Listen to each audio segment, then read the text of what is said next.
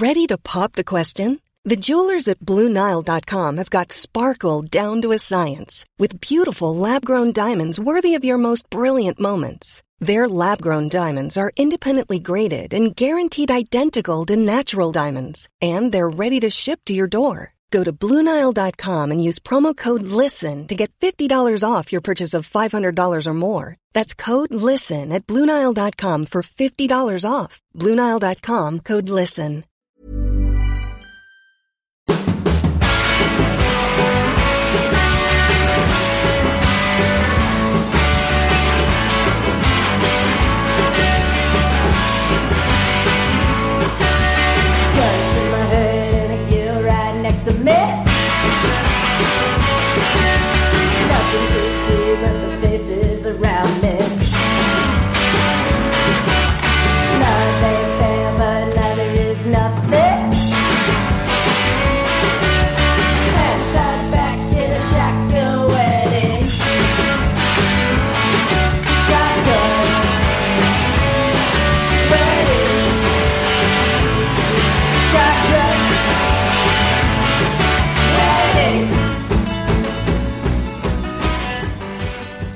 Välkomna till Indiepodden avsnitt 64. 33 dagar kvar till Indycar-premiären på Barber Motorsport Park och vi är redan laddade till tänderna eh, och med mer tändning lär det ju bli. Eller vad säger ni, Gergay Farkas och Jakob Fredriksson? Jo, det är klart man är laddad. Ja, det är mars, så nu kommer det ju ske saker varje, varje helg och jag vet att eh, eh, Ganassi kommer testa på Indianapolis och första ovaltesterna ganska snart. Så eh, det är nog mer än fler än oss som är taggade. Ja, och nu är det inte bara vi, vi tre idag. Eh, Anna är ledig den här veckan, men vi har ju Jo- Joakim Dyredan från Automotor och Sport med oss. Hej Joakim! Hej på er! Trevligt att vara här. Kul att du kunde titta förbi. Ja, tack. Det är så trevligt att se er också här. Men det är Joakim, det, det, det är roligt Joakim, för ända sedan starten då av Vinderpodden så har vi liksom haft det som en riktigt trogen samarbetspartner. Ehm, och vi, anledningen till att vi älskar auto, och sport extra mycket, det är ju det här magasinet som ni släpper innan, inför Formel 1 och Indycar-säsongen varje år. Kan inte du berätta lite om det? Ja, det var i samband med att vi startade samarbetet med er på Indiepodden så kom vi på att den här F1-magasinet borde utökas och det var inte bara er förtjänst tyvärr utan det fanns även två killar då, Marcus och Felix som liksom ökade intresset lite för Indycar i Sverige. Så då döpte vi om den till eh, AMS Edition F1 och Indycar-magasinet. Och nu har ju då 2021-versionen kommit ut. Ja, den 23 mars då så hittade den Norden butikshyllorna då. Där, där har ju faktiskt vi bidragit med lite innehåll också, det tycker jag är extra kul. Ja, inte så lite där. Ni är väl eh, 20% av eh, totala innehållet här tycker jag. Det är inte illa. Jag har faktiskt inte sett slutresultatet sådär komplett. Kan du berätta lite Jo- Joakim? Ja, det ligger på din mail. Eller vill du veta Ja, mer? d- men min mail är som, som en så här eh, amerikansk bilskrot. Det ligger så här lager på lager av, av gamla grejer. Så där, där hittar jag ingenting längre. Så Nej. jag hör gärna din ljuva stämma säga några ord om, om innehållet istället. Ska vi ta Formel 1 lite snabbt i början då så presenterar vi givetvis årets nyheter för bilarna. Eh, och eh, det skulle ha blivit helt nya bilar till i år som eh, en del kanske vet. Men det blir ju först 2022 då. De här fantastiskt snygga bilarna. Och där har du bidragit med en liten artikel, Guy Gay. Ja. Från förra året, uppdaterad till i år då. Den kommer jag ihåg. Ja, den, den var så bra så vi körde den i år också. Tänkte sig. Sen eh, har vi George Russell som har varit utropstecknet när han fick hoppa in i Mercedes. En intervju med honom. Vi går igenom eh, McLaren. Ganska på djupet. De är ju verkligen på väg uppåt. Och då nämner vi även det där att de är på väg in med Indycar-satsningen och allt sånt där. Sen är det någon som heter Ronny tror jag. Som har varit där och gjort en lista på tio viktiga saker att hålla koll på i Indycar den här säsongen. Mycket bra lista där. Det har den där Ronny koll på tror jag. Ja, det har han. Jag skulle inte lita på min egen lista över de grejerna, men Ronny kan man lita på. Det kunde Ja, men jag det, var, det var den typen av artikel som passar mig. Ytlig information om mycket. Där man inte behöver gå på djupet någonting. Det, det är bra det. Ja, vill man Men ha du någon gått- som går på djupet ska man inte fråga en göteborgare liksom. Nej. Nej, vi tog en Uppsalabo istället. Ja, där har vi en som kan gå på djupet. Men du, Ja. hade gjort, du har ju träffat både Felix och Marcus eh, Jakob och gjort artiklar på det. Jo, fick längre pratstunder med bägge eh, för någon månad sedan när de pratade upp säsongen och de är väl ännu mer hypade eh, nu. Och sen Gergely har ju faktiskt levererat någonting, ett material från ingen av de här serierna.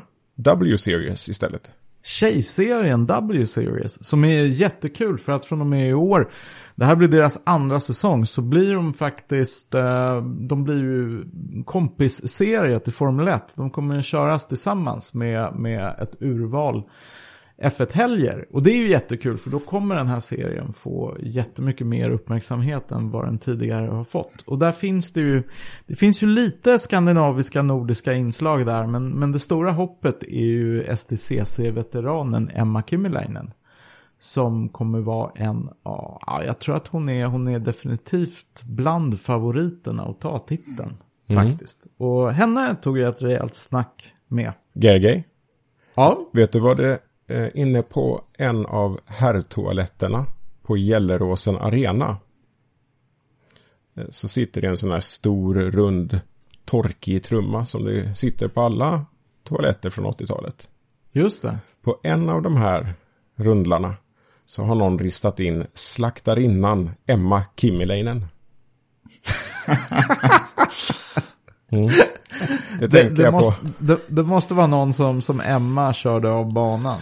Tror inte det? Ja, och då finns det ju rätt många att välja på. Så det, vi, vi vet inte vem som är skyldig. Men nej, hon... The eh, usual suspects fyller hela pressrummet på Gelleråsen tror jag. Exakt. Nej, hon eh, var ju faktiskt en eh, frisk fläkt. Och jag mejlade ju henne, med henne efter din intervju där. Och hon sa att eh, STCC lärde henne mycket och att hon var, hade växt där. Och hon var lite sugen på att komma tillbaka till STCC och visa Emma Kimmeläinen 2.0. Ja, men, men hon, hon la liksom inte några fingrar emellan. Hon var ju stenhård på banan. Verkligen. Det har gått bra hittills. Hon vann säsongsfinalen 2019 om jag inte minns helt fel. Ja, hon gjorde ju det. Hon är nog äldre i fältet men hon är ju väldigt, väldigt snabb alltså när allt sitter rätt. Och kollar man på slutet av 2019-säsongerna så hade man bara, bara räknat sista tre loppens poäng. Då hade hon ju tagit titeln. För i början missade hon ju ett race tror jag och fick ett race förstört av en olycka. Så att hon var ju skadad där i början. Så att hon, hon, hon hade ju, såg ju väldigt mycket fram emot 2020-säsongen. Så att det är lite synd att den blev inställd. Men, men vi får hoppas att hon har sitt momentum kvar nu inför 2021. Det kan bli, det kan bli kul.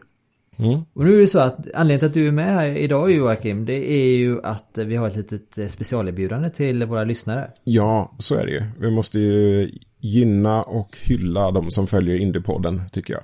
Så då hade vi satt ihop ett litet prenumerationserbjudande. Sex nummer av vanliga Automotorsport plus då Indy F1-magasinet Edition Automotorsport för eh, ynka 199 kronor. Det är ju som hittat. Ja. Finns väl någon länk i eh, programbeskrivningen eller hur vi gör så slipper vi sitta och dra www-adresser här. Ja, vi har, eh, vi har redan nu eh, den länken på Facebook men vi lägger in den i avsnittsbeskrivningen här också så det kan ni bara klicka in där och så kommer ni på rätt plats direkt så.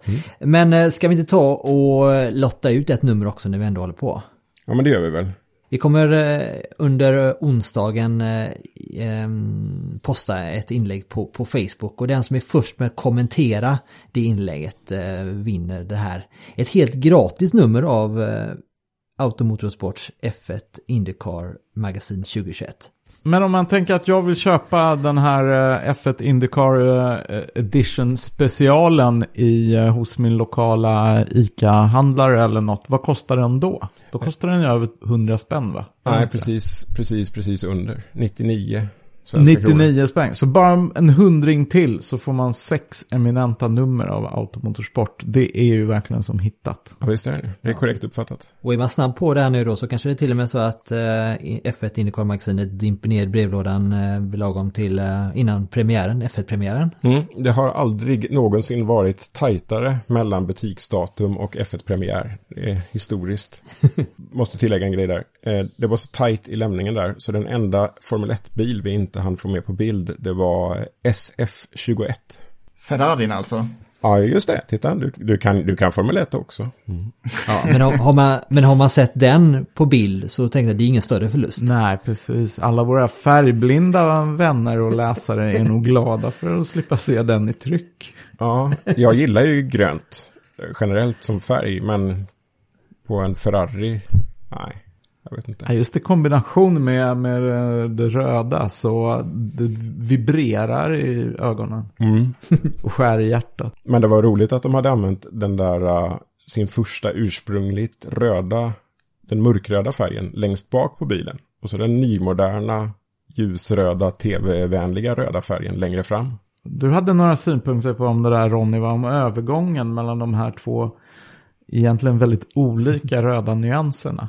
Ja, jag tycker den, alltså en, en grading då där det går från ljust till mörkt eh, kan vara väldigt fin på en, på en bil och eh, faktiskt i synnerhet en Ferrari tror jag. Eh, problemet har ju varit det att de har ju antagligen för att få med den här Mission Winnow-loggan i någon form av neongrönt då så har de liksom övergången mellan ljusrött och mörkrött är ju väldigt, väldigt kort så det blir så här hård brytning där så det blir ju knappt någon, någon grading på den och jag tycker det blir, det blir fel hela vägen där tycker jag personligen. Jag tycker den är skitful rakt igenom. Det är den fulaste Ferrarin i Formel 1 jag någonsin har sett. I alla fall när det gäller färger. Och jag, jag har funderat på det där. Jag är rätt irriterad sedan långt tillbaka på Ferrari. Och, det här är bara mer vatten på min kvar. De är, så, de är så otroligt konservativa på alla fel sätt. Eh, de borde verkligen med sin livery, de har ju alla möjligheter att med sin livery chocka publiken. Speciellt med tanke på att de har ju verkligen miljarder följare som bara älskar dem vad de än gör. De borde typ återuppliva en klassisk Ferrari-färg. Giallo. Det är ju en sån här klassisk Ferrari-färg som långt tillbaka i tiden har funnits eh, i Ferrari. Men Giallo betyder ju gul. Ja, det är en speciell, lite sådär, inte orange, men åt, åt det mörkare gula som är en klassisk Ferrari-färg som Ferrari faktiskt har, eller som faktiskt har varit viktig i Ferraris modellutbud. Tänk er om de bara en säsong hade vågat köra så här, nej vi slänger ut allt det röda, vi kör Giallo den här säsongen. Det hade varit jättekul. Nu är det, känns det bara som att de, de, de är så förmodligen så uttråkade av sina egna färger så att det blir bara... De har ju en chans nu när Renault har lämnat det gula och blivit en blå Just alpin. Då är det ju öppet mål. Jag får avsluta med ytterligare ett förslag här. De har en färg som heter eh, Grigio Ingrid, alltså silver, Ingrid Silver, efter Ingrid eh, Bergman. Mm. När de är lika snabba som eh, Mercedes, då kan de passa på att göra sin egen silverpil. Det hade varit något. Ja. Sug på den lite. Jakob ser väldigt skeptisk ut. Han ser nästan ut att vilja börja gråta. Det behövs inte alltså. Sorry, sorry Joakim, men det var ett dåligt förslag. Ja, jag vet.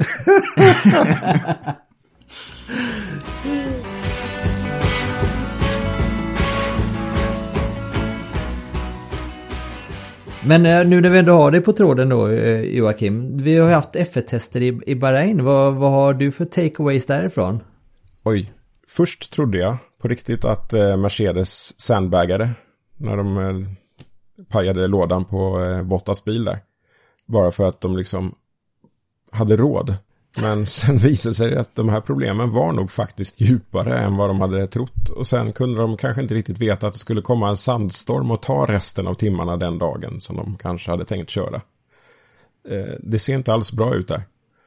Eh, det, men det finns, det finns så mycket reaktioner därifrån. Eh, luftintaget på alpin. Eh, det är stort. Tråkigt eh, för Aston Martin. Det verkar inte vara någon riktig full fart i deras bil sådär ordentligt. Ferrari är väl halv med men ändå inte fullt ut med.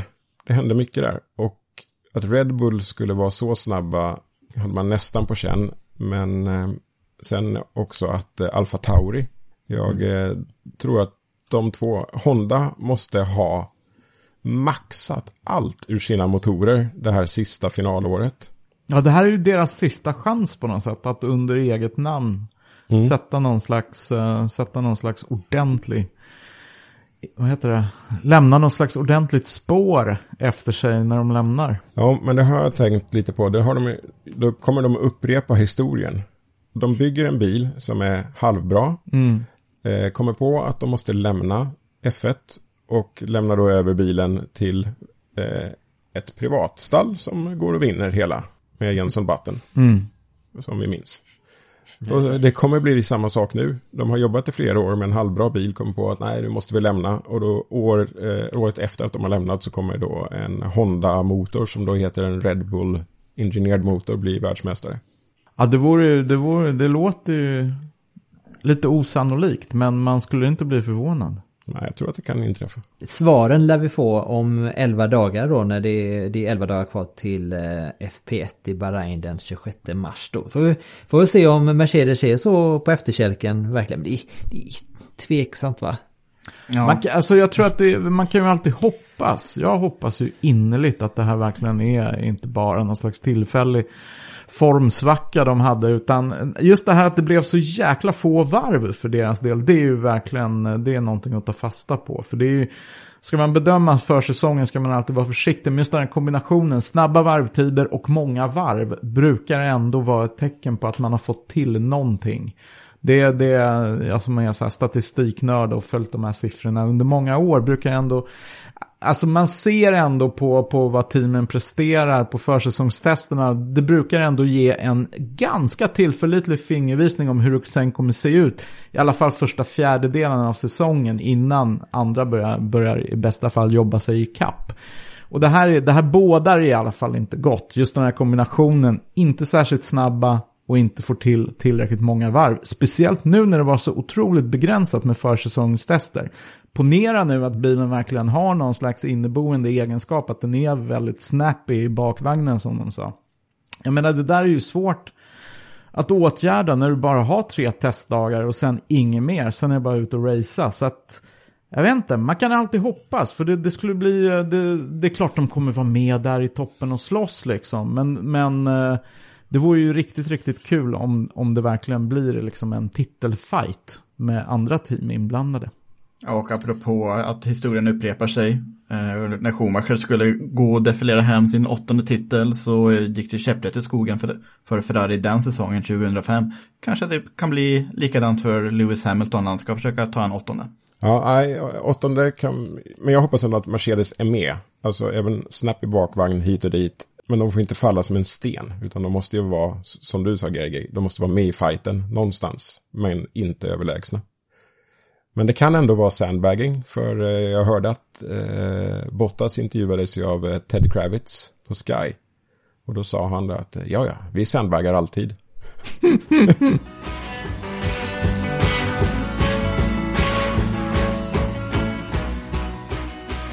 Men du var inne på, heter han Ted Kravitz? Ja, eh, Ja, Ted, Ted Cheese Kravitz numera. ja. alltså, det, han är Det så... där blev ganska internt, men det, det, det sprids på nätet ett, eh, en, en intervju med, som Ted Kravitz gör med eh, Sebastian Vettel. Mm. Där Kravitz eh, har med sig en ostbit som han tydligen har använt i ett tv-inslag för att visa någonting som har med Renaults bottenplatta att göra. Och ja, i två minuter håller, håller Kravitz och Vettel på och pratar om den här ostbiten. Det är väldigt roligt. Och Fettel försöker tvinga honom att äta den här osten som har legat ute i den saudiska värmen i en hel dag. Det här måste ni skicka mig, det här har jag missat. Ja, ja det, eh, det är ganska roligt. Det lustiga är också mot slutet när, när det bara slår över och Vettel bara går tillbaka till sitt vanliga PK-ja och låter precis som han alltid annars gör. Liksom. Honestly. Honestly. Honestly. Obviously, honestly. ja. Men på tal om eh, kommentatorer då, eh, så måste vi prata om eh, Murray Walker innan vi går in på Indycar-biten den här veckan. Tråkigt besked, 97-åriga Murray Walker som har gått ur världen. Vad har ni för relation till Murray Walker? För mig är han ju synonymt med, med eh, Formel 1. Mm, ja, men det är hans, eh, just när han, eh, att han var så exalterad och när han liksom kommer igång och får den här pitchade rösten. Jag är lite avundsjuk på hans, eh, liksom, engagemang i allting. Jag tror jag har kunnat Murray Walkers bästa soundbites innan jag ens kunde engelska. Så viktig har han varit. Oj. Liksom för, för min uppväxt på något sätt. Jag hade ett vi, videoband med Formel 1 500 första lopp och det här var ju någonting från tidigt 90-tal. Då var ju Murray Walker som kommenterade och jag var ju liksom fem år gammal när jag, när jag fick den där så jag kunde ju inte engelska men ändå snappade man ju upp Murray Walker och undermedvetet har ju han blivit alltså ens role model. Oavsett om man pratar här om motorsport eller i mitt andra jobb när jag jobbar på museum. Så det är ju hon, han är ju modellen som man har format sitt eget snack efter. Eh, och man försöker ju, ja, liksom, och så hans filosofi, liksom att bara dela med sig av sin passion. Det är ju precis så jag tänker när jag pratar om vad jag nu råkar prata om. Så han har varit oerhört viktig eh, för min del. Och man, nu- det är ju lite lustigt att 97 år gammal men ändå för ung. Vad häftigt. Ja, men det är just det där engagemanget. Att våga så här, brinna för någonting fullt ut. Det där tycker jag verkligen man hörde på hans röst. Liksom. Det var ren passion. Av, vad heter det? Smittande glädje, verkligen. Det som var nästan mest unikt med honom det var ju att han, alltså banden han hade till förarna just att han han, han ju vara väldigt omtyckt i, i paddocken bland, bland alla då och inte minst typ Nigel Mansell och, och Damon Hill då, som han hade ett extra, extra fint band till. Mm. Då får vi ytterligare göra en eh, YouTube-rekommendation till alla och gå in och lyssna på när eh, Hill blir världsmästare.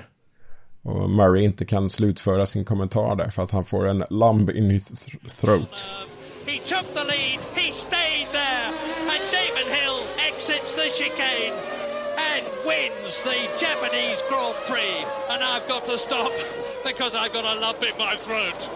Ja men alltigenom snäll person som behandlade alla lika då så vi säger vi tack för, tack Murray för, för allt helt enkelt. Mm, tack för orden. Eh, Det är väl dags att gå vidare med Indycar-nyheterna för den här veckan men eh, jag vet ju Joakim att du ska vara med i en annan podd här om en stund. Busy Busy. Ja, det blir eh, det är som när man eh, släpper en film eller en skiva. Då måste man göra PR överallt. Så att det blir en lång kväll det här. Ska in i poddvärlden igen.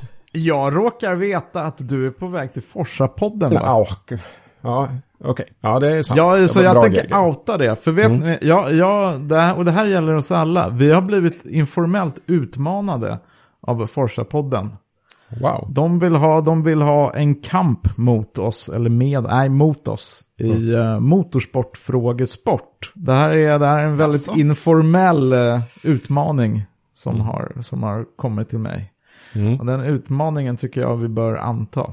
Så jag var, var kände mig tvungen att nämna det nu när vi ska vinka hej då till Joakim. Uh, Gary, Gay, men jag vill bara tala om då att för sakens skull så ska jag vara gäst bara i Forza-podden. Eh, men jag har ju bilpodden på Automotorsport där som vi kanske borde starta upp så att det blir tre lag i den här. Just det. Men Gerge, du är med oss då? För jag vet att du har varit med i Bilpodden också. Men nu är du Ja. i Indypodden. Ja, då, då skulle det vara Indiepodden. Det är bara en fråga om pengar. Jag vet att vi har råd med dig. Vi köper det. Ja, det är bra. Ja. Tack Joakim för att du var med. Eh, och som sagt, eh, Automotorsports eh, F1 och Indycar Magasin 2021 är i butik 23 mars. Mm, tack för att jag fick vara med här och tack alla ni tre för underbart innehåll till detta fylliga magasin.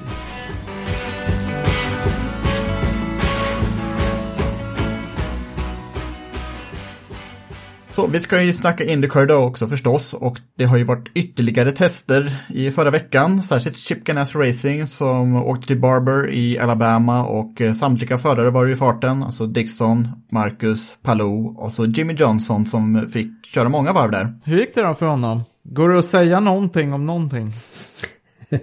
Alltså snabbast var ju, eh, Scott Dixon var ju snabbast då, man hade en tid på 1.05.774. Så var Alex Palou tvåa, knappt, ja, en, knappt en en och en halv tiondel efter Dixon. Och så Marcus var fyra tior efter Scott och så Jimmy Johnson var på fjärde då 1,3 sekunder efter Nya Zeeländaren då. Men det, man kan väl bara konstatera att han, Jimmy Johnson närmar sig då. Han, han säger ju då efteråt att han, han känner bilen på ett annat sätt än tidigare, vilket såklart är ju en, en förutsättning. Det är frågan, det är förstås en helt annan grej när man kommer till ra- race-omständigheter sen med 25 andra bilar på banan. Alltså de kör ju race-setup för honom. Det är ingen idé att de ska försöka nöta kvaltider. Och han körde ju 164 varv. Medan kanske Dixon skulle vilja nöta lite kvaltider. Det är ju trots allt snart fyra år sedan Dixon tog en pole position. Eh, Men Johnsons styrka i Nascar var ju trafik. Eh, Han var ju som bäst när bilarna hade som mest hästkrafter och eh, de hade lite old school reglementen vid omstarter och då var han väldigt bra på att köra upp sig från typ, ifall han tagit fyra däck när andra tagit två däck och så hamnade han typ 15 där, men så kunde han ändå köra upp sig. Så jag tror Johnson bara siktar på race it up så här långt. Fortsatt positiva tongångar från Marcus Eriksson eh, av allt att döma i alla fall. Så att, eh, jag tror att eh, jag håller fast vid det. Att det verkar som att de har hittat någonting här under offseason när det gäller hans eh, bil i kvartim. Vi får se om det, om, det, om, det, om det är så det är i verkligheten också.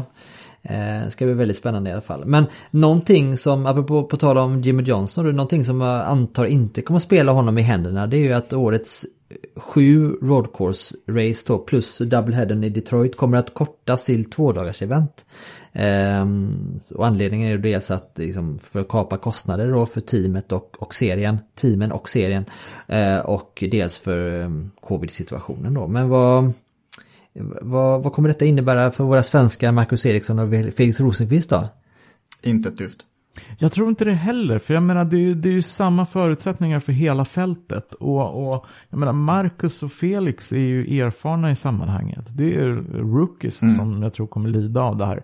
Marcus och Felix skulle kunna köra en racehelg på, på en dag liksom och, och klara det i princip. De skulle vara möra efteråt. Men det såg vi förra året när de körde riktigt jobbiga, otroligt tajta racehelger ibland med, med liksom back-to-back tävlingar två dagar i rad. Och det, det funkar för dem. Så jag, jag tror inte heller det kommer spela någon som helst roll faktiskt. Ja, Det enda jag kan tänka mig det är i så fall om Felix i och med att han har ett nytt team. Han han håller ju fortfarande på att lära sig den bilen också och setup, eh, setup och såna grejer. Så får man då en dag mindre med att jobba med setup så är det klart att det, det kanske kan vara en, en, en liten, liten oro. Men eh, som du säger Gerge, han är ju snabb på att lära sig också. Det, han, är ju, han är ju känd för det. Det är väl något, om något händer, om något oväntat inträffar liksom. Om man sätter den i räcket på liksom första träningspasset. Då, och, och hela helgen hamnar ur balans. Då tror jag att det kan vara, vara liksom, då är det såklart tuffare att komma igen. Men det, är- det är liksom samma sak där. att det är, ju, det är ju samma förutsättningar för hela gänget. Det, det är mer Jimmy Johnson i sådana fall i det teamet som, som ska vara, känna sig pressad av det här, precis som du sa från början.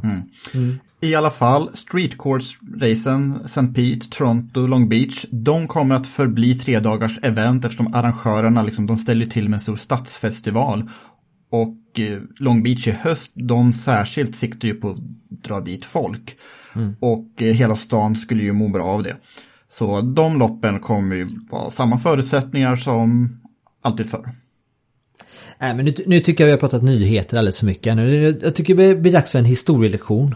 Varför inte? Det var ju ett tag sedan. Uh, Gerge och jag, vi satte ju igång en serie som hittills bara blivit en del förra sommaren när vi pratade liksom om otippade märken i Indycar-historien. Märken som man kanske inte riktigt kommer ihåg.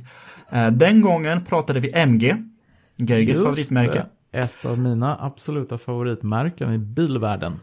Och vi kan väl börja del två av den här serien med eh, det här då. Kopplingen Indycar, rysk revolutionär anarkism på 1800-talet. Kan ni den? Nej! Inte alls, men jag misstänker att det är någon som har kunnat gräva fram den kopplingen så är det du Jakob. Nej, men eh, det har att göra med märket som vi ska avhandla idag, Maserati och deras första satsning på Indy 500, vilket skedde 1930. Eh, vi har pratat om eh, 30-talet tidigare när vi gick igenom Junkyard Formula förra året. Det introducerades 1930 som ett försök att göra Indycar lite mer tillgängligt för biltillverkarna. Och det här råkade ju också sammanfalla med den stora depressionen i USA. Just det. Det var ju, just det, det var ju bara för att ge några ord om bak. Det var ju själva bakgrunden till Junkyard Formula, eller hur? Stora börskraschen 29 och ekonomin i, i eh, katastrofläge under ett helt decennium liksom. Så det fanns inte pengar i bilindustrin för, att- för att fortsätta så som man hade gjort innan. Visst var det så? Det råkade sammanfalla. Det, alltså, Junkyard Formula klubbades igenom innan stora börskraschen. Eh, Så just namnet Junkyard Formula har med depressionen att göra, men inte just själva tekniska reglementet. Okej. Eh, Maserati då, å andra sidan, Det var ju ett relativt nystartat märke då, 1930. De hade ett rejält uppsving eftersom de hade precis börjat vinna i Europa. Och de hade precis börjat etablera sig som ett av Europas finaste prestandabilsmärken. Eh, Så 1930 skickade Maserati två bilar till Indy 500. Den ena skulle köras av en ganska obskyr förare som jag inte hört talas om för- förut och det finns knappt någon information om den här killen som heter Letterio Piccolo Cucinotta. Eh, den andra skulle rattas av en av Italiens eh, toppförare, Bakonin Borsakini. Och Bakonin Borsakini var döpt efter den ryske anarkisten eh, Mikhail Bakunin som beundrades mycket av Borsacchinis föräldrar. Så där ni har ni kopplingen Indycar, ryska revolutionär anarkism på 1800-talet. Vilket roligt namn också. Bakonin Borsacchini. Var inte han en av, ana, ana, en, en av anarkismens förgrundsgestalter va? Jo, så måste det väl vara. Ja, absolut. Han var vi, viktig, eller är fortfarande viktig inom den grenen av, av eh, anarkiströrelsen. Och den här andra, andra killen du nämnde, Letterio, Piccolo Cucinotta, det var också ett väldigt roligt namn, även om han är mycket mindre känd än, än senare. Alltså Cucinotta är ju ett, ordagrant betyder ett litet kök. Eh, cucina är ju ett kök. Ett, en cucinotta är ett litet kök. Och han heter alltså Piccolo och Piccolo betyder ju liten. Så han heter ju liten litet kök. Det är ett jätteroligt dubbelnamn. Ja, det är ett av de roligaste namnen jag har stött på i racingvärlden. Eller i racinghistorien. Hej, jag heter litet litet kök. Pyttelitet kök. Letterio pyttekök. Och eh, till den historien hör kanske till då att Cucinotta fick hålla till godo med en två liters eh, Maserati med eh, en rak 8. Medan Borchacchini, han fick en 4 liters V16 att ratta på Indy 500 då 1930. Och bara för att avsluta den här, det här om eh, namnen, Bakonin Borchacchini, han pressades att byta namn eftersom ryska revolutionärer var inte så poppis i Italien på 30-talet. Så han fick eh, lite senare byta namn till Mario Umberto, som är lite mer vanligare italienskt namn. Eh, I alla fall, Indy 500 1930, Maserati är det vi snackar om. Den här V16-motorn är ju, en V16 är ju något jättehäftigt i, i alla tider.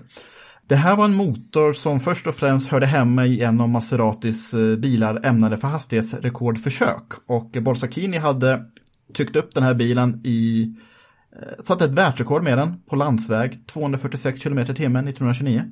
Men det är helt otroligt, det är nä, alltså nästan 100 år sedan de kom upp i de hastigheterna. Eh, Den eh, bilen med en annan förare bakom ratten satte varvrekordet på Monza-ovalen och det här varvrekordet skulle stå sig tills dess att Monza-ovalen byggdes om på 50-talet. Så det var en, en rejäl pjäs som Maserati hade tagit fram. Med dessa framgångar tyckte Maserati var läge att köra denna bil i Grand Prix-tävlingar också. Eh, Barsakini vann eh, Tripolis Grand Prix 1930, eh, vilket var också Maseratis första större GP-seger. Eh, men den var ju, den var ju väldigt stor och eh, klumpig den här V16-motorn och på långsamma krokiga banor så gjorde sig motorns vikt och lynniga karaktär desto mer påmind. Eh, motorn var i alla fall beprövad nu och Maseratis aktier var högre än någonsin och då tyckte man att det var läge att skicka bilen till USAs främsta höghastighetstävling då. Har du sett eh, Tripolis GP-bana på bild?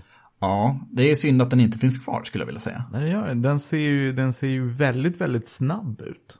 Ja, det var väl en sån här tidstypisk lång landsvägsbana. Där Ja, man... precis. Bara så här jättelånga ragsträckor och ett fåtal så här väldigt långa svepande kurvor. Så kanske inte riktigt Indy 500-hastigheter, men, men inte långt ifrån för att vara en landsvägsbana. Man kan tänka kanske som gamla spa. Ja, lite så. Lite åt det hållet. Den samma karaktär i alla fall. Och med en modern bil skulle det vara fläta varvet runt. I, Ja, det hade det varit. Det hade det varit, garanterat. Eh, Indy 500, eh, Indianapolis Motor Speedway såg ju likadan ut då som nu, fast då var det fortfarande med tegelstenar. Eh, det var ganska mycket halabalå om Maseratis eh, ankomst till Indianapolis. I, jag har letat fram lite vad dagspressen sa om det här och det påstods att det var italienska staten som låg bakom den här satsningen. Att det var första gången utländska bilmärken satsade på Indy 500, men det stämmer ju inte alls det. Peugeot hade ju vunnit Indy 500 1913 redan med, en, med Jules Gox bakom ratten. Men, var det, var, alltså, men det, det som skulle varit på pappret någonting som passade Maserati så det blev inte helt enkelt så va? Nej, eh, eftersom eh, man vill ju ha lite enklare reglementen i USA nu än vad man var vana med i Europa. Så kruxet för Maserati var att Indianapolis reglement inte, inte tillät kompressormatade motorer. Så i vanliga fall kunde den här V16-motorn ge ifrån sig lite drygt 300 hästkrafter, men tar man bort kompressorn, då, då räcker det ju inte alls till. Så med det här rådande reglementet blev motorn strypt och den fungerade inte alls så bra och Borsakini, som då vunnit GP-tävlingar i Europa och i Afrika, kunde inte kvala bättre än 28 och bilen tackade för sig efter bara sju varv. Så det blev inte så mycket av eh, Maseratis första Indy 500. Nej. Antiklimax. Ja, och särskilt eftersom bilen hade, eh, liksom det var så stort intresse kring den.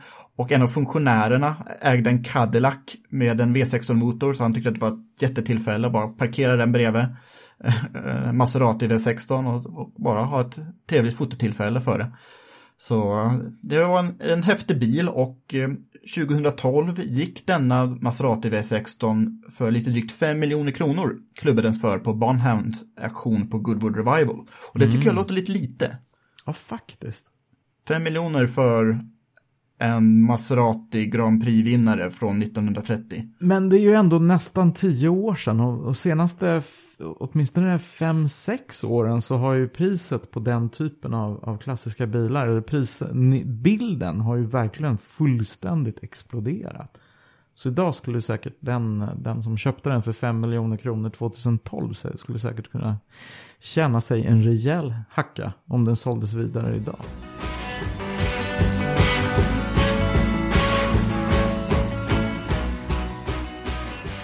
Men visst skulle det dröja Jakob eh, några år innan Maserati kom tillbaka till Indy igen? Ja, ehm, och eh, under den här perioden då, eh, mellan 1930 och 1937 skulle Maserati återvända till USA. Under den här perioden skulle europeisk Grand Prix-racing förvandlas helt och hållet. Maseratis Grand Prix-bilar må ha räckt till 1930-1931 när de var som mest framgångsrika. Men eh, 1937 hade det blivit totalt utskåpade då av Tysklands Mercedes Auto Union. Eh, tyska eh, staten eh, under nazistperioden satsade ju stora summor på ja, teknisk, teknologisk propaganda kan man ju kalla det eh, en aning. Det gav ju häftiga Grand Prix-bilar men man ska ju komma ihåg den historien också. Eh, vad Maserati och an, de andra italienska bilkonstruktörerna valde att göra då var att i första hand satsa sina resurser på Voiturette-reglementet, det vill säga typ Formel 2. Indy 500 kopierade det här reglementet 1938, så 1938 och några år framöver så körde Indy 500 i stort sett Formel 2. Eh, och därmed hade då Maserati en perfekt arena att sälja sina bilar till.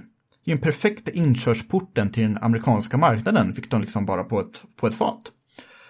Och så, Maserati skulle därmed ha konstant närvaro på Indianapolis de närmsta 15 åren, en bit in på 50-talet alltså. Eh, om än de sista åren med eh, Offenhauser-motorer, eh, ägarna av Maserati-bilarna tryckte in en Offenhauser istället. Men en puräkta Maserati vann Indy 500 både 1939 och 1940, bägge gånger med Wilbur Shaw bakom ratten. Och Wilbur Shaw var på väg att vinna 1941 också, men kraschade ur ledning det året. Eh, som mest startade fem Maserati-bilar Indy 500 och det var 1946 det skedde. Och till och med eh, Louis Anser, alltså Anser-familjens stamfader, vann Pikes Peak, backtävlingen på grus i en Maserati eh, två gånger. Och det här ska vara en puräkta Maserati också med riktiga Maserati-motorn 1946-1947. Men du sa att Maserati var utskåpat av eh, Merca och eh, Auto Union. Men de skulle väl göra en ganska eh, comeback med besked i Formel 1 eh, på 50-talet? Ja, det kan man ju säga. Uh, Gerge, du vet väl om Maseratis 250F? Är, är inte det den läckraste Formel 1-bilen någonsin? Ah, den är bland de läckraste alltså. Ja, efter andra världskriget så st- startades ju Grand Prix-racing på nytt. Det gamla Voiturette Formel 2-reglementet blev ju Formel 1 1950 och Maserati satsade ju stort på Formel 1 på 50-talet. 250F vann sitt första lopp, vill jag minnas, med Juan Manuel Fangio. Eh, och vi ska ju också komma ihåg att Indy 500 ingick ju på sätt och vis i Formel 1-VM.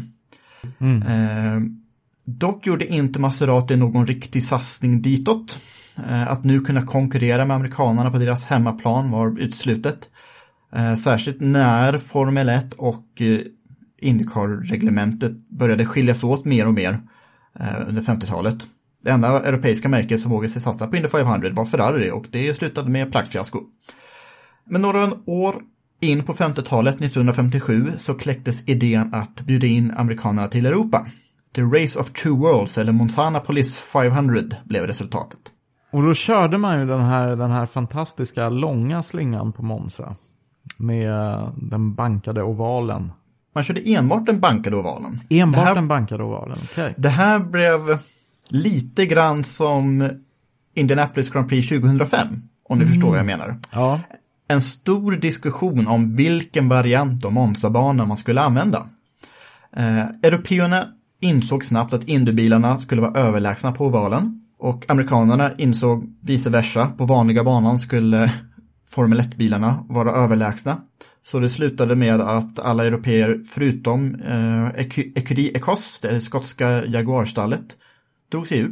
Det blev Eh, bara race på ovalen, 10 stycken Indybilar och 3 stycken Jaguar D-Types. Trots alltså att det var 30 000 pund, ungefär 6 miljoner svenska kronor i eh, i moderna mått, eh, så blev det bara amerikaner som fick kamma hem den siffran. Och trots att Jimmy Bryan i en Kasma Offenhauser defilerade hem loppet skrev brittiska The Motor att ingen tävling för, förutom möjligen katastrofen på Le Mans 55 varit så omtalad som det här The Race of Two Worlds 1957 och då inte på ett bra sätt. Men det skulle det, redan året efter skulle det bli lite, lite bättring va, för statusen för det, det, den tävlingen. Det skulle bli lite mer tävling på det hela, för nu var man ju ense om att det är ovalen som det får lov att bli. Och till 1958 erbjöds igen en ansenlig prispott och nu fick européerna också lite mer tid på sig på att förbereda bilar. Ökerie Koss nappade igen med sina Jaguarer och Ferrari grävde rejält i sina gömmor och kom till start med tre stycken bilar, inklusive en som varit med om eh, Indy 500-fiaskot några år tidigare. Maserati då? De ställde också upp med en specialbyggd bil, men märkets förutsättningar hade drastiskt försämrats det senaste året. Precis som Ferrari levde Maserati på den här tiden på försäljningar av sina tävlingsbilar till rika amatörer. Det är för att ha råd för att utveckla nya bilar. Ferrari och Maserati var ju också varandras nemesis, liksom ärkerivaler, då Ferrari till Maranello och Maserati i Modena, inte långt därifrån. Och kapprustningen mellan Ferrari och Maserati höll ju på hela 50-talet och det skulle nå sitt klimax under 1957.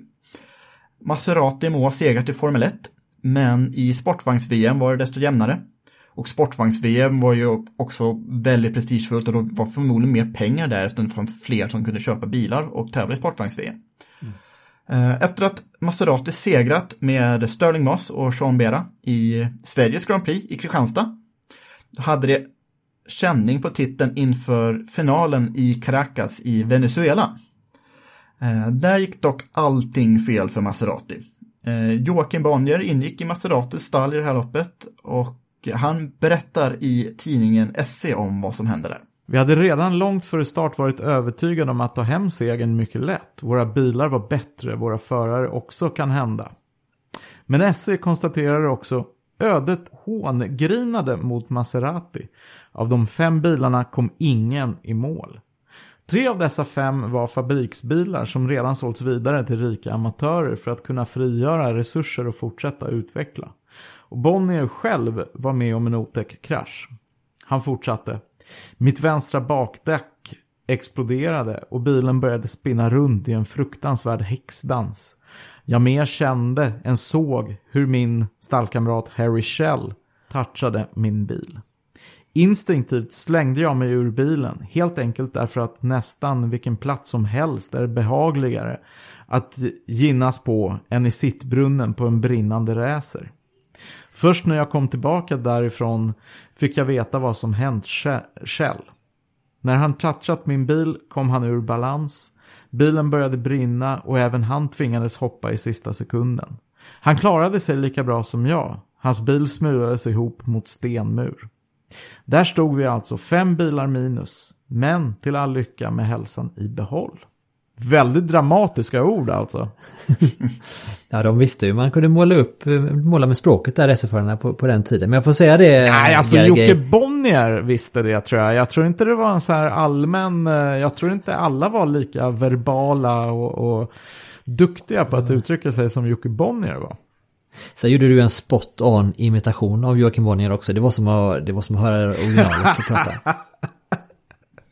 prata. Ja, ja, jag försökte leva mig in i hur, hur kan den här Östermalmsmannen, född på vad var det, 20-talet, ha låtit? En fri tolkning kan man säga. En mycket fri tolkning. Men återigen Jakob till historien då. Ja, det var otroligt dramatiskt vad som hände för Maserati där i Venezuela. Eh, fem bilar totalförstörda. Eh, Sterling Moss hade också varit med om en krasch och eh, ett par andra bilar. Liksom. Och det var ju fem bilar som Maserati var tvungna att bygga upp. Fem bilar senaste snitt, liksom de dyraste racerbilarna i världen. Fem bilar som de dessutom redan hade fått betalt för. Så, och pengarna hade de redan förbrukat. Så de fick ju var ju tvungna att bygga upp de här bilarna ja, av resurser som de inte hade längre. Och så blev det så att Caracas Grand Prix för sportvagnar 1957 skulle bli slutet för Maseratis medverkan i både sportvagns-VM och i Formel 1. Eh, alltså det var slutet för Maseratis storhetstid, stor, deras tid som stormakt inom motorsporten. Märket blev nästan till helt utblottat efter de här utgifterna som krävdes efter olyckorna i Venezuela. Och dessutom, Ferrari blev sportvagnsvärldsmästare 1957.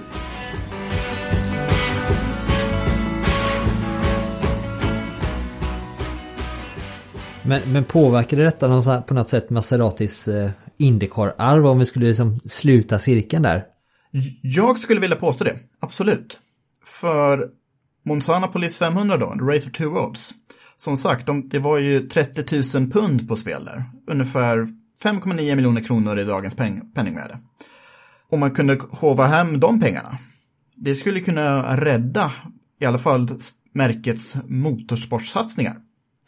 Och man hade fortfarande bra kontakt med Sterling Moss, trots att Moss brännskadat på grund av depåslarv i Caracas.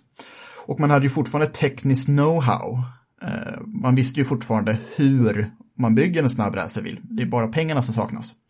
Motorn också, som varit med i sportvagnarna, eh, den var enkel att modifiera för att bli lämplig för Indycar-reglementet som används, används för de här tävlingarna.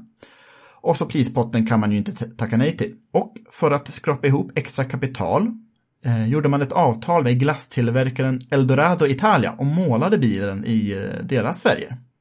Så det var alltså inte Colin Chapman som introducerade företagssponsring då? Nej, så var det inte. Eh, utan att tänka på det gjorde alltså Maserati något banbrytande inom europeisk motorsport. Sponsordealen. Brittiska The Outer Core skrev i och för sig något ganska avfärdande. Painted white and decorated with a paintings of a one-toothed cowboy and Sterling Moss and Eldorado and whatnot. It looked more like one of the American entries. Så fortfarande inte in på det. Så, eh, men det skulle ta alltså då ytterligare ett årtionde innan europeisk motorsport skulle snappa upp den här idén om företagssponsring och då skulle ju Colin Chapman ses som ett banbrytande gen- geni, en pionjär i det här. Men ja, så var det.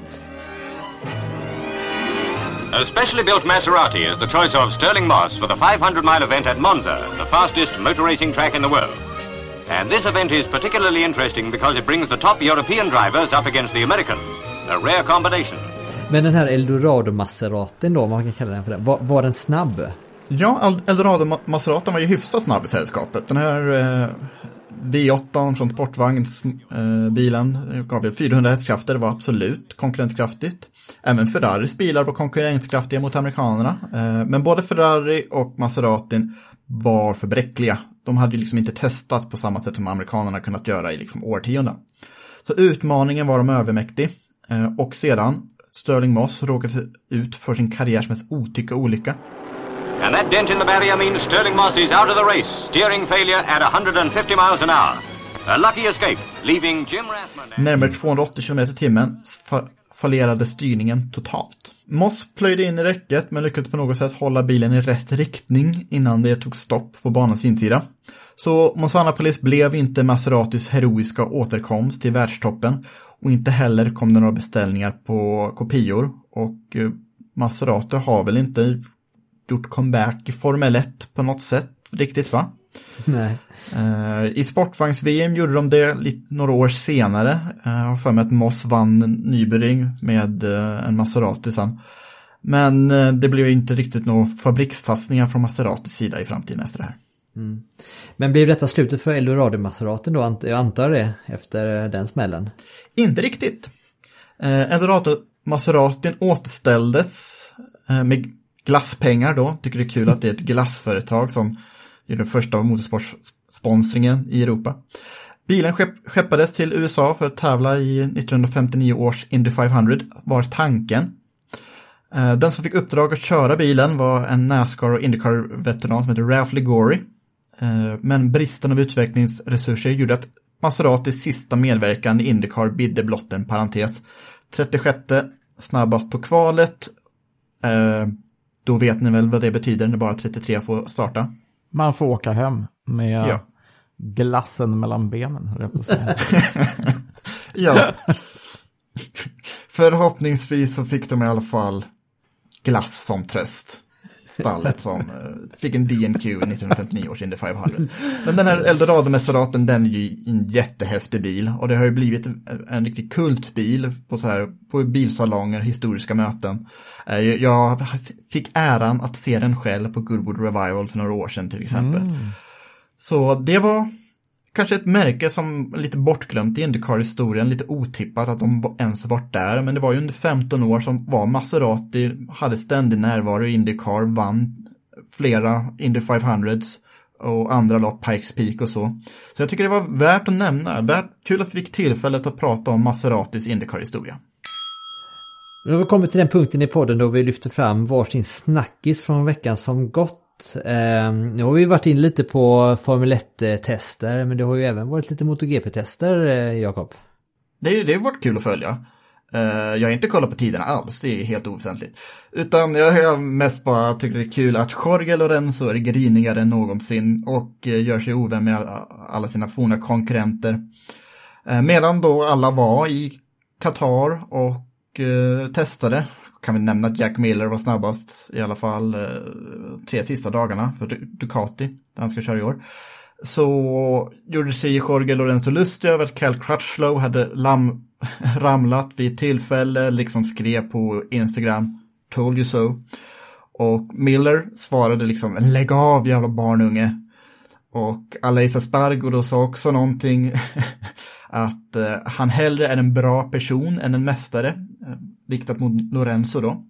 Lorenzos kontring var är helst bägge och det, det här blev ju en tråd mellan eh, aktuella MotoGP-förare och så Lorenzo som sitter hemma och sen så börjar han med en lång tråd med att punkta upp alla hans framgångar i eh, motorcykelracing samtidigt som han hånade Espargos egen karriär så det blev liksom Ja, och sen Andre- Andrea Iannone som då är avstängd på grund av doping, han liksom gav sig också in i det där och blev också nedhackad. För han var den enda som tog Lorenzos sida, liksom. All, eh, Miller och Espargaro och ja, typ alla tog ju Crashlows sida. Så, ja. det blev någonting lustigt att följa eh, på sociala medier den forna helgen. Vad har du för oss då, Gergej? Det, det är faktiskt lite så här sociala medier-anknytning där också. I alla fall indirekt. Jag, jag har tänkt lite på Haas-teamet i Formel 1 nu när det varit F1-tester och sådär. Och det, det är ju en rätt intressant duo som Haas har i sina bilar med Mick Schumacher som tar tillbaka Schumacher-namnet i Formel 1. Eh, och eh, Gödselmasse i den andra bilen. Nikita Mazepin. Vad kallar du honom? Gödselmasse. Har ni inte hört hans fina smeknamn som eh, dykt upp i en del svenska forum? Och det har att göra med att, att pengarna bakom Nikita Mazepin kommer ju från hans fars affärsverksamhet. Och han är ju, han är ju le, kontrollerar ett företag som, som är ledande i tillverkare av konstgödsel. Jaha. Så det här Oralchem som företaget heter som, som uh, han bär på, på sin, sina kläder och på bilen det är ju gödselpengar. Och det här har ju, det här eh, vill jag ju gärna koppla till hur dynamiken mellan de här förarna kommer se ut och det tror jag faktiskt kommer bli rätt spännande för att eh, han är ju inte obegåvad, Mazepin. Trots att han har enormt mycket pengar i ryggen. Och, och Schumacher är ju definitivt inte obegåvad utan jag tror att det är det är ju två riktigt bra nykomlingar. Potentiellt i alla fall. De får ju naturligtvis visa vad de går för. Men jag tror att det blir väldigt kul att följa hur den här dynamiken kommer, kommer eh, se ut under året hos Haas. Speciellt med tanke på vilken enorm skillnad det är i vilken uppmärksamhet och vilken press de här två förarna kommer att få. Där vad Mick Schumacher än gör och säger så får han enormt mycket positiv eh, uppmärksamhet. För att han är en Schumacher och alla förknippar namnet Schumacher med positiva saker för sporten. Medan Nikita Mazepin har ju redan liksom satt sin prägel på, på sin F1-debut på ett väldigt, väldigt negativt sätt. Och jag ska inte gå in på detaljerna i bakgrunden till den, eh, till den historien, för den är ju så sönderpratad redan. Men han har ju, han har ju gjort, redan lyckats göra bort sig på på ett moraliskt sätt. Och det ger ju honom enormt mycket negativ uppmärksamhet. Vad teamet än liksom, det räcker med att någon nämner hans namn så är det Twitterstorm. Och jag vet inte hur de här två unga killarna kommer påverkas av, av det här. Jag, jag, jag vet inte, men det är, det är så tydligt att det är så otroligt olika förutsättningar, inte minst i sociala medier som betyder så mycket nu för tiden. Och, och det kommer bli väldigt spännande att följa hur dynamiken i det teamet kommer att utvecklas. Det är, det är min spaning för veckan. Så får vi se om detta blir skitbra då. Ronny då? Vad, vad har du spanat efter? Min snackis den här veckan är det faktum att Mikaela Olin Kontolinski äntligen är klar för Extreme E för JBXE Racing tillsammans med Jenson Button. Extreme E är också en eh, FIA-sanktionerad helelektrisk offroad racing-serie där man tävlar i, i diverse extrema förhållanden, till exempel i Amazonas och Saharaöknen och, och Arktis.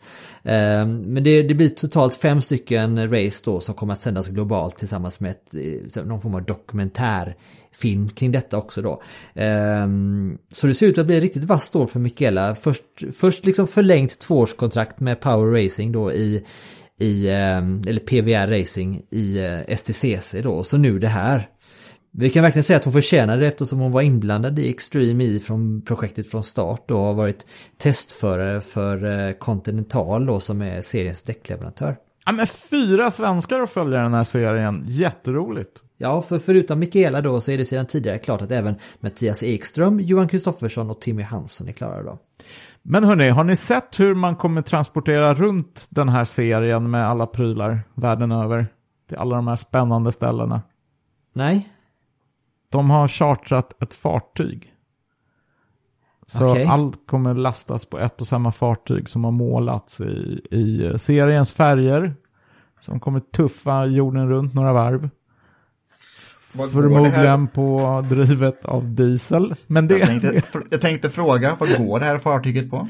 Jag missade, det såg väldigt mycket som en så här klassisk fartyg som går på så här ful eh, bunkolja eller vad det heter. Eller vad heter det? Ja. Det heter något speciellt, så här, det fulaste sorten som fartyg går på. Jag är, ingen, jag är ingen expert, men det såg inte ut som någon så här high-tech fartyg som går på liksom, änglafisar eller något. Vi får hoppas att eh, någon vet bättre än Gergely Farkas i, i just den här punkten och förhoppningsvis har Extreme E också tänkt igenom den saken. Det vore väldigt sorgligt om ingen visste bättre än jag. Alltså.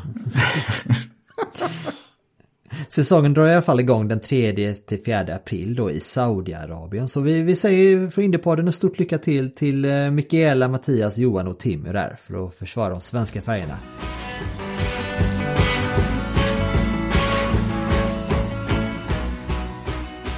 Det börjar bli dags att avrunda veckans podd. Om ni inte kan hålla er till Indycar-premiären 18 april så kan vi tipsa er om att Indycar Challenge är tillbaka med tre online-race i iRacing med start på torsdag på Circuit Gilles Villeneuve eh, och, och, tre veckor framåt och bland annat med Felix Rosenqvist, eh, Will Power och så har vi Scott McLaughlin och Romain Grosjean också på startlinjen.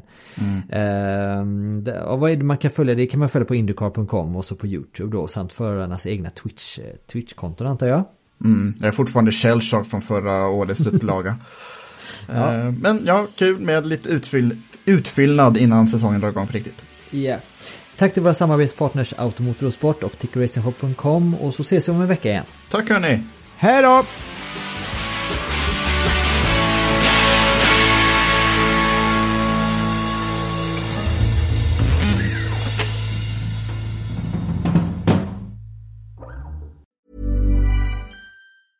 A lot can happen in the next three years. Like a chatbot may be your new best friend. But what won't change? Needing health insurance. United Healthcare Tri Term Medical Plans are available for these changing times. Underwritten by Golden Rule Insurance Company, they offer budget friendly, flexible coverage for people who are in between jobs or missed open enrollment. The plans last nearly three years in some states, with access to a nationwide network of doctors and hospitals. So, for whatever tomorrow brings, United Healthcare Tri Term Medical Plans may be for you. Learn more at uh1.com.